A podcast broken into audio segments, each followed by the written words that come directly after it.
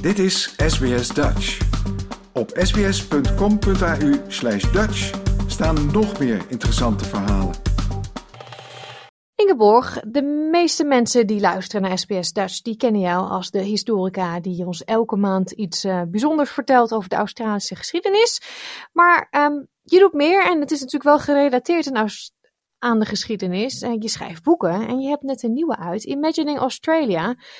Waarom schrijf jij uh, een boek over uh, Australië? Wat is dat? Zit dat zo diep in jouw bloed dat jij uh, daar gewoon over wil vertellen? Ja, dat is natuurlijk een migrantending, denk ik. Kijk, ik ben een migrant, maar ik ben ook journalist en ik ben historica.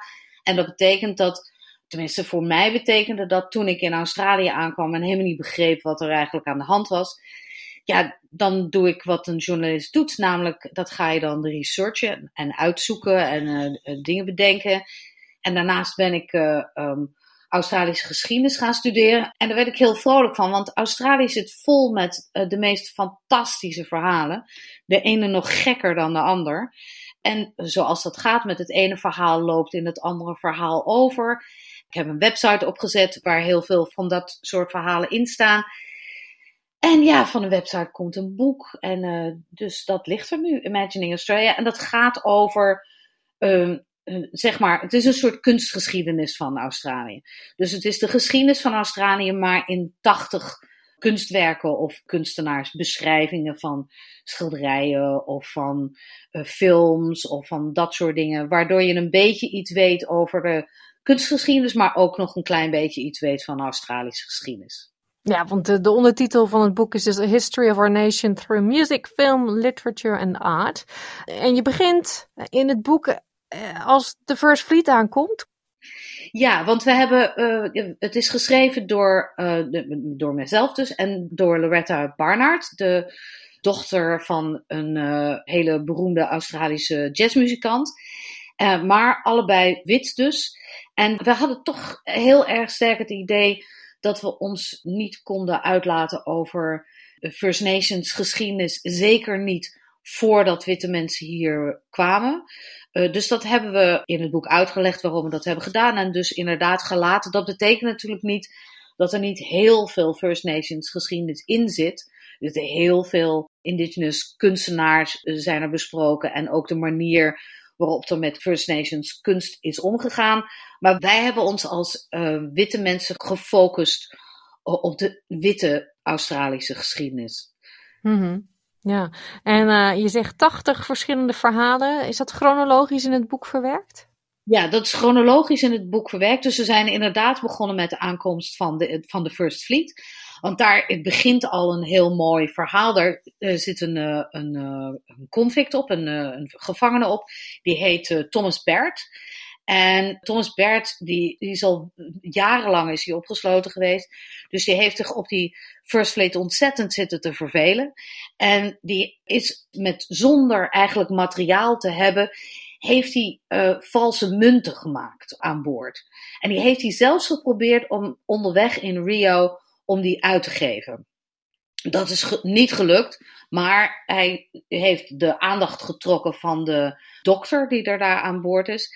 En die dokter die geeft hem op het moment dat de schepen geland zijn, geeft hij hem een hele mooie schaal en uh, een, uh, een, mesje om uh, er iets in te kunnen snijden.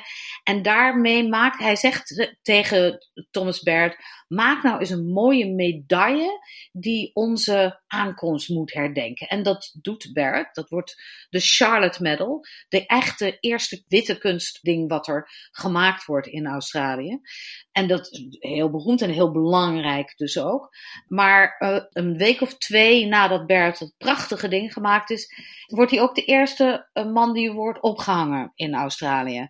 Uh, want hij heeft de vergissing gemaakt, zoals wel veel kunstenaars doen, dat ook graag willen eten. En er is niks te eten, dus Bert steelt wat eten en wordt onmiddellijk opgehangen. Dus de eerste man of mens die in Australië wordt opgehangen, is een kunstenaar. En dat vonden wij nogal grappig. Eh, nou ja, grappig. In ieder geval, daar zijn we mee begonnen met het verhaal van Thomas Baird en de Charlotte Medal. Jeetje, wat een verhaal. Ze zijn ze wel goed in hier in Australië, van die uh, bijzondere historische gebeurtenissen. Uh, 80 verhalen dus. Uh, nog eentje, je favoriet misschien? Um, nou ja, misschien. Kijk, Loretta schreef bijvoorbeeld een mooi stukje over de eerste piano. Die hier ook aankwam met de First Fleet. En dan moet je je voorstellen, dat zijn geen huizen, maar wel een piano. Dus die kwam terecht in een tent. Zout, uh, zoute lucht, zand, heel heet. Een van de mensen die erop leerden spelen, bijvoorbeeld, was Elizabeth MacArthur. Misschien wel de machtigste vrouw in de nieuwe kolonie. Dan is er het verhaal over James Hardy Vo, de enige gevangene die vier keer naar Australië werd gestuurd. Hij schreef ook het eerste woordenboek met gevangenenslang, woorden die gevangenen onderling gebruikten. En dat is heel lang gebruikt door advocaten die wilden snappen waar hun cliënten het over hadden. En dan hebben we natuurlijk ook het belangrijke verhaal over David Unaipon. In 1925 schreef hij de Legendary Tales of the Australian Aborigines. En daarvoor had hij twee jaar het land doorgereisd en verhalen opgetekend van allerlei First Nations groepen. Was een hele bijzondere man, uh, goed opgeleid, uh, een uitvinder ook. En hij had een contract met een Australische uitgever. Maar terwijl hij op reis was en onbereikbaar, werd zijn werk gestolen door een witte schrijver, een man die William Ramsey Smith heette. Die was heel berucht eigenlijk. Want als lijkschouwer in Adelaide had hij jarenlang lijken verkocht en zelfs in zijn kantoor beschoten. Hij begon de eh, uitgever te vertellen dat Unaipon als First Nations man natuurlijk helemaal niet betrouwbaar was. En dat hij als uh, witte man veel meer wist dan Unaipon zelf. En vervolgens nam hij het werk van Unaipon dat hij al gedaan had en herschreef dat op zijn manier, die helemaal niet klopte. En natuurlijk zette hij hers zijn eigen naam boven. Dat werd uitgegeven uiteindelijk. En het echte werk onder de echte naam werd pas in 2001 uitgegeven. Dat zijn van die dingetjes die we in ons boek nog even naar boven willen eh, halen. Hoe krankzinnig dat soort dingen in elkaar zitten. Ja, prachtig. Gefeliciteerd met dit mooie boek Imagining Australia. Dankjewel Ingeborg. Dankjewel. Wil je nog meer soortgelijke verhalen? Luister via Apple Podcasts, Google Podcasts, Spotify of waar je je podcasts dan ook vandaan haalt.